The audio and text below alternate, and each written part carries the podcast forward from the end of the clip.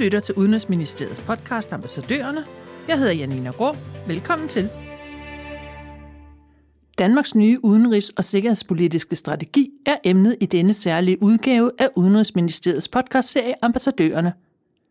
Ambassadør og konstitueret departementschef Jesper Møller Sørensen giver dig her i podcasten en bred indflyvning til strategien. Vi skal høre, hvorfor det er vigtigt at have en strategi, og om hvad der konkret kommer til at ske på de fem fokusområder. Værdidiplomati, tryghedsdiplomati, klimadiplomati, migrationsdiplomati og økonomisk diplomati. Endelig kommer vi også ind på, hvad der skal til rent ressourcemæssigt, for at Danmark kan løfte opgaverne i strategien i en stadig mere uforudsigelig verden. Velkommen til dig, Jesper Møller Sørensen. Tak skal du have. Vil du ikke starte med at give tre gode grunde til, hvorfor det er vigtigt at have en strategi for udenrigs- og sikkerhedspolitik? Om det overhovedet er muligt at se ind i en fremtid i en verden, der er så omskiftelig, som den her er? Hmm. Godt spørgsmål. En udenrigs- og sikkerhedspolitisk strategi er jo ikke et mål i sig selv. Det kan godt ske, at det ser sådan ud. Der er selvfølgelig, og det er helt klart, der ligger jo også et politisk element i lanceringen af regeringsstrategier. Jeg synes da også, at vi har set allerede her nu, at det giver jo god anledning til, til debat. Men det er også fair, og det er jo netop regeringens prerogativ at føre Danmarks udenrigspolitik, og dermed også at gå forrest og sætte den dagsorden. Men det er ikke hele svaret. En udenrigs- og sikkerhedspolitisk strategi, det er jo også med til at fastlægge den overordnede kurs. Det er et styringsredskab for hele regeringen, for hele centraladministrationen. Det giver os en, en, en retning i den verden, der i, i den grad er, er i konstant forandring. Det er med til at give nogle svar på de store, nogle gange dilemmafyldte spørgsmål, som samfundet står overfor. Så hvis jeg skal prøve at give sådan tre grunde, så vil jeg sige, for det første, hvis du kigger i verden lige nu, ud i verden, så er de tektoniske sikkerhedspolitiske plader, vi står på, de er jo i bevægelse. Mere aggressivt Rusland, et mere selvhævdende Kina. Vi kan ikke længere bare tage den regelbaserede sikkerhedsarkitektur, som vi kendte fra øh, siden 2. verdenskrig, for givet. Så hvad betyder det for Danmark og vores udenrigs- og sikkerhedspolitik? Det er i hvert fald en ting, som en sådan overordnet strategi skal forholde sig til. For det andet, så er der selvfølgelig klimaforandringerne. Her må vi bare sige, det er nu, verden skal handle. Vi skal fremlægge mere ambitiøse planer, for ellers når vi simpelthen ikke vores egne mål, de mål, som vi alle er blevet enige om med Paris-aftalen. Det er jo en opgave, som der ikke er noget land, der kan løse alene. Her er vi samme båd, men vi må også konstatere, at det er jo ikke alle, der er lige villige til at handle lige meget. Her er Danmark langt fremme, vi er langt fremme i bussen, politisk i forhold til det private erhvervsliv, danske virksomheder, og ikke mindst bare samfundet generelt. Det engagement, det skal vi selvfølgelig ud at bruge, også til at trække andre med os. Og for det tredje, så vil jeg sige, så er der jo en bekymrende tendens i mange dele af verden, også i Europa, hvor demokratiet er under pres. Vi ser autoritative regimer, autoritære stater, der vinder frem. De værdier, som vi har bygget vores samfund på, det danske samfund, Europa generelt, det transatlantiske samarbejde, der må vi sige, at de værdier de er øh, under pres. Der pågår en global værdikamp.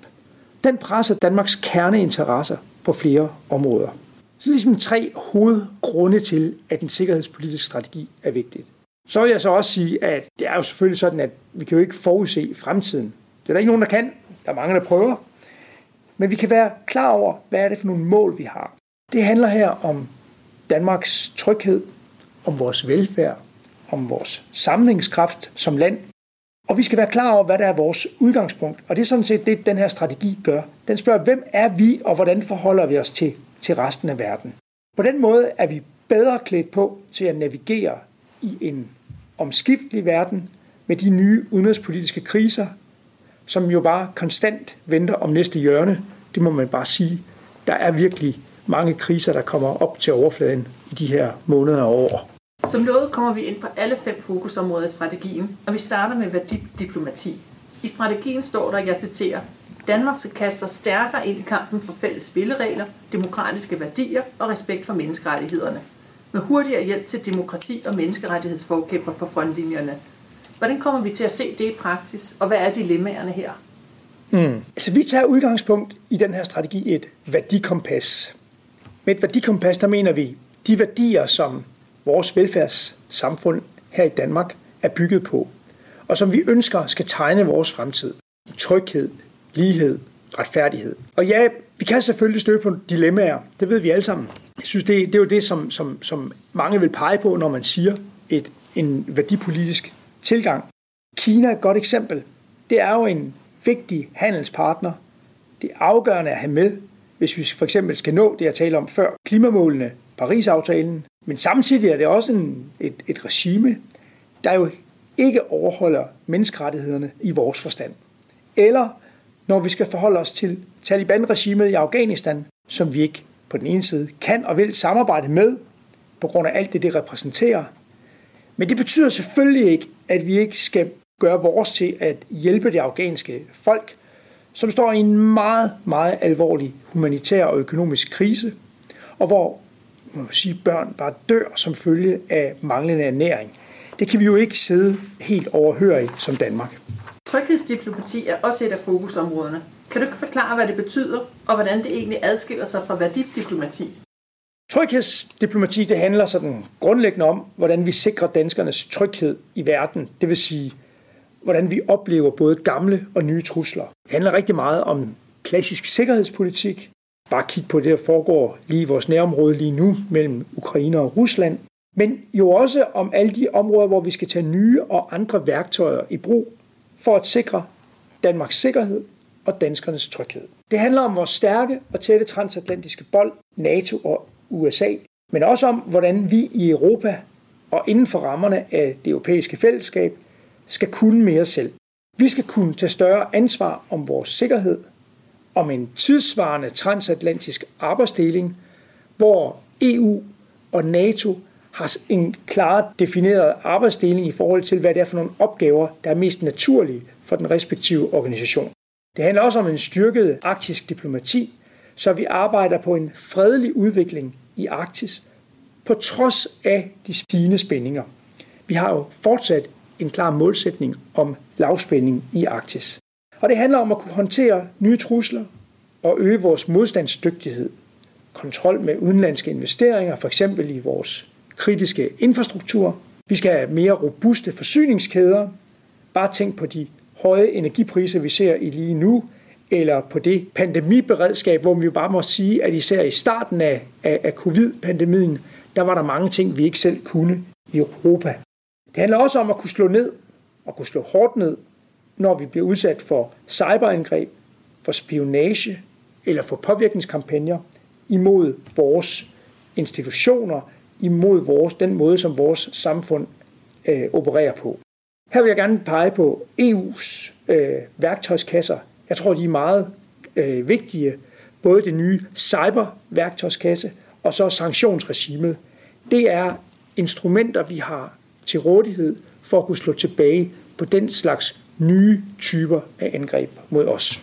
I modsætning til tryghedsdiplomati er klimadiplomati en mere velkendt begreb. Danmark har endda en klimaambassadør. Men hvad er det nye strategien i forhold til tidligere, og hvor bevæger Danmark sig hen, når det gælder klimadiplomati? Jeg vil starte med at sige på sådan den, den helt brede palette, at som grønt forgangsland, og vi er jo altså et grønt forgangsland, der har vi som Danmark et stort ansvar. Vi har et ansvar for at drive udviklingen fra en sort afhængighed til en grøn fremtid.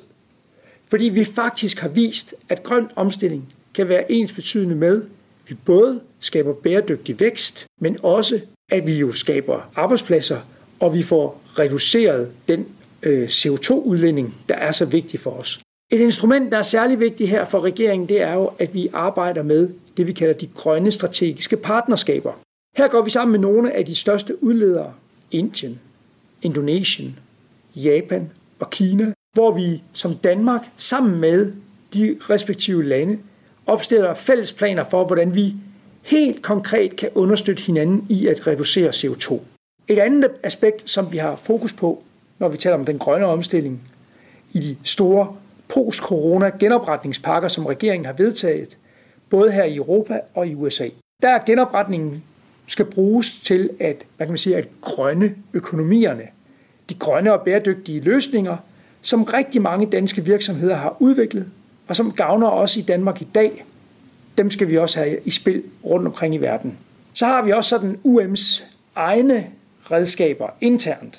Du nævnte klimaambassadøren. Det er jo øvrigt ikke bare en, en, en, en ambassadør fra Udenrigsministeriet, er også forankret i Klima- og Energiministeriet og selvfølgelig repræsenterer regeringen Øh, på tværs.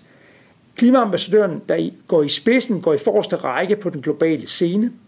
Vi har også udpeget en række, det vi kalder klimafrontposter. Det er ambassader, der agerer som spydspids i det danske klimadiplomati. Den strategi gør, at det ikke så meget et spørgsmål om, at vi opfinder noget nyt med den udenrigs- og sikkerhedspolitiske strategi, men vi sætter det ind i det bredere udenrigspolitiske perspektiv. Migrationsdiplomati skal være, står der i strategien, et robust svar på migrations- og flygtningepresset. Kan du give et par eksempler på, hvad de robuste svar kunne være? Jeg vil faktisk gerne lave et link her til klimadiplomatiet. Klimakrisen risikerer jo også at forstærke migrationspresset, når millioner af menneskers livsgrundlag det forsvinder. Der er over 80 millioner mennesker på verdensplan, der er fordrevet fra deres hjem, som situationen er i dag. Men mennesker skal jo ikke sætte deres liv på spil i jagten på en bedre fremtid i Europa og i Danmark.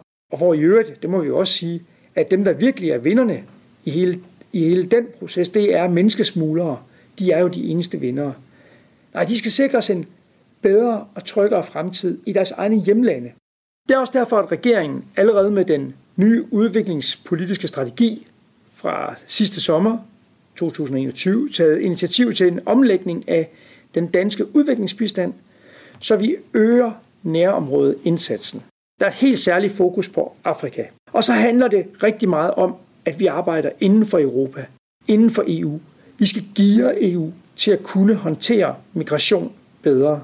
At vi beskytter Europas grænser, og selvfølgelig, at vi indgår aftaler med oprindelseslandene om at tilbagetage de afviste asylansøgere. Økonomisk diplomati er det sidste af de fem fokusområder. Danmarks økonomiske diplomati skal have en tredobbelt bundlinje, står der. Vil du ikke forklare, hvad de tre bundlinjer består af? I Danmark har vi set, at vores økonomi efter covid-19-pandemien hurtigt kom sig igen. Den er i øjeblikket utrolig stærkt. Men samtidig så er den internationale økonomi jo også i opbrud. Og den er kendetegnet af meget stor usikkerhed. Energipriserne de er historisk høje. Forsyningskæderne de er udfordret. Arbejdskraftmangel, det er der i mange europæiske lande. Der er også stigende ulighed i andre. Det kræver et aktivt dansk økonomisk diplomati, så vi kan være med til at sikre en stærk dansk økonomi og vækst. Vækst og frihandel, det er dog ikke bare et mål i sig selv. Målet er jo også at skabe velfærd, og som vi talte om tidligere, at vi får skabt en bæredygtig vækst, som alle får del i. Vi vil gerne give en mere bæredygtig verden videre til vores børn. Det er derfor, at vores økonomiske diplomati har en, det vi kalder en tredobbelt bundlinje, hvor vi skubber på for en global bæredygtig omstilling med danske løsninger som løftestang og fokus på gode arbejdstagerforhold. Det betyder, at vi arbejder for at styrke dansk eksport, der skaber økonomiske gevinster. Det skal være bæredygtige gevinster, og det skal være med menneskelige gevinster. Vi startede med at se på, hvorfor det er vigtigt at have en strategi for udenrigs- og sikkerhedspolitik, og vi slutter podcasten med at tale om ressourcer, i strategien står der blandt andet, at det kræver et moderne dansk diplomati, der matcher opgaven at gennemføre strategiens fokusområder. Hvad er det moderne diplomati, og hvilke tilpasninger har det krævet at få et moderne dansk diplomati? Øh, jeg vil sige det på den måde, at et moderne dansk diplomati, det er et diplomati, der i høj grad er fokuseret på at opbygge partnerskaber. Både i Danmark, uden for Danmark. På den måde øh, kan vi løfte danskernes øh, interesser og værdierne, hvor det tæller. For det betyder, at Udenrigsministeriet samarbejder på tværs af ministerier, af styrelser, regioner og kommuner herhjemme, erhvervslivet, fagforeninger og selvfølgelig civilsamfundet. Det betyder også, at Udenrigsministeriet skal udstyres med de muskler, der skal til for at løfte tunge opgaver, der venter os ude i verden. Vi skal indrette os på en måde, der sikrer, at vi har de ressourcer, og vi bruger dem lige præcis der, hvor de gør den største forskel og den vigtigste forskel for Danmark. Vi kan ikke være til stede alle steder på samme tid. Vi har haft en meget stor gennemgang, det vi har kaldt en budgetanalyse af, hvordan hele Udenrigsministeriet er skruet sammen, og vi i gang satte så en omlægning af udenrigstjenesten i august sidste år, som netop hjælper os med at sikre, at vi har det rigtige match mellem vores prioriterede opgaver og så de ressourcer, der bliver stillet til rådighed til Udenrigsministeriet. Det har konkret betydet, at vi har kunnet styrke for eksempel vores multilaterale repræsentationer, EU, FN og NATO. Det er igennem disse forpligtende fællesskaber, det er gennem det med samarbejde med vores allierede og partnere, at vi sikrer, at vores stemmer bliver hørt. Det er også gennem de her fællesskaber, at vi for alvor har mulighed for at fremme danske værdier, fremme en verden, der repræsenterer danske værdier, fordi det kan vi ikke gøre alene. Det kræver partnerskaber, det kræver samarbejde med vores nærmeste allierede og partnere. Vi styrker også vores arktisk diplomati. Vores klima- og migrationsindsatser i Afrika er blevet styrket. Så har vi så gennemgået en hel række områder, hvor Udenrigsministeriets interne procedurer er blevet effektiviseret. Det har givet os nogle ekstra ressourcer. Og så har vi også skulle træffe nogle svære valg og samle vores kræfter de steder, hvor det batter mest. Det er derfor, vi har ændret i Udenrigstjenestens organisationsstruktur, repræsentationsstruktur, og vi har besluttet at lukke nogle repræsentationer, for eksempel ambassaderne i Argentina og i Tanzania, og handelsrepræsentationerne i Kina og i Spanien.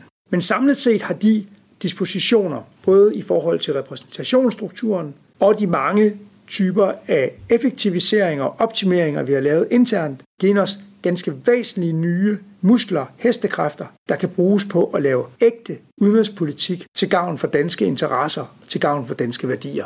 Mange tak, fordi du ville være med. Selv tak. Det var slut på podcasten om Danmarks nye udenrigs- og sikkerhedspolitiske strategi. Hvis du vil læse strategien, ligger den på Udenrigsministeriets hjemmeside. Tak fordi du lyttede med.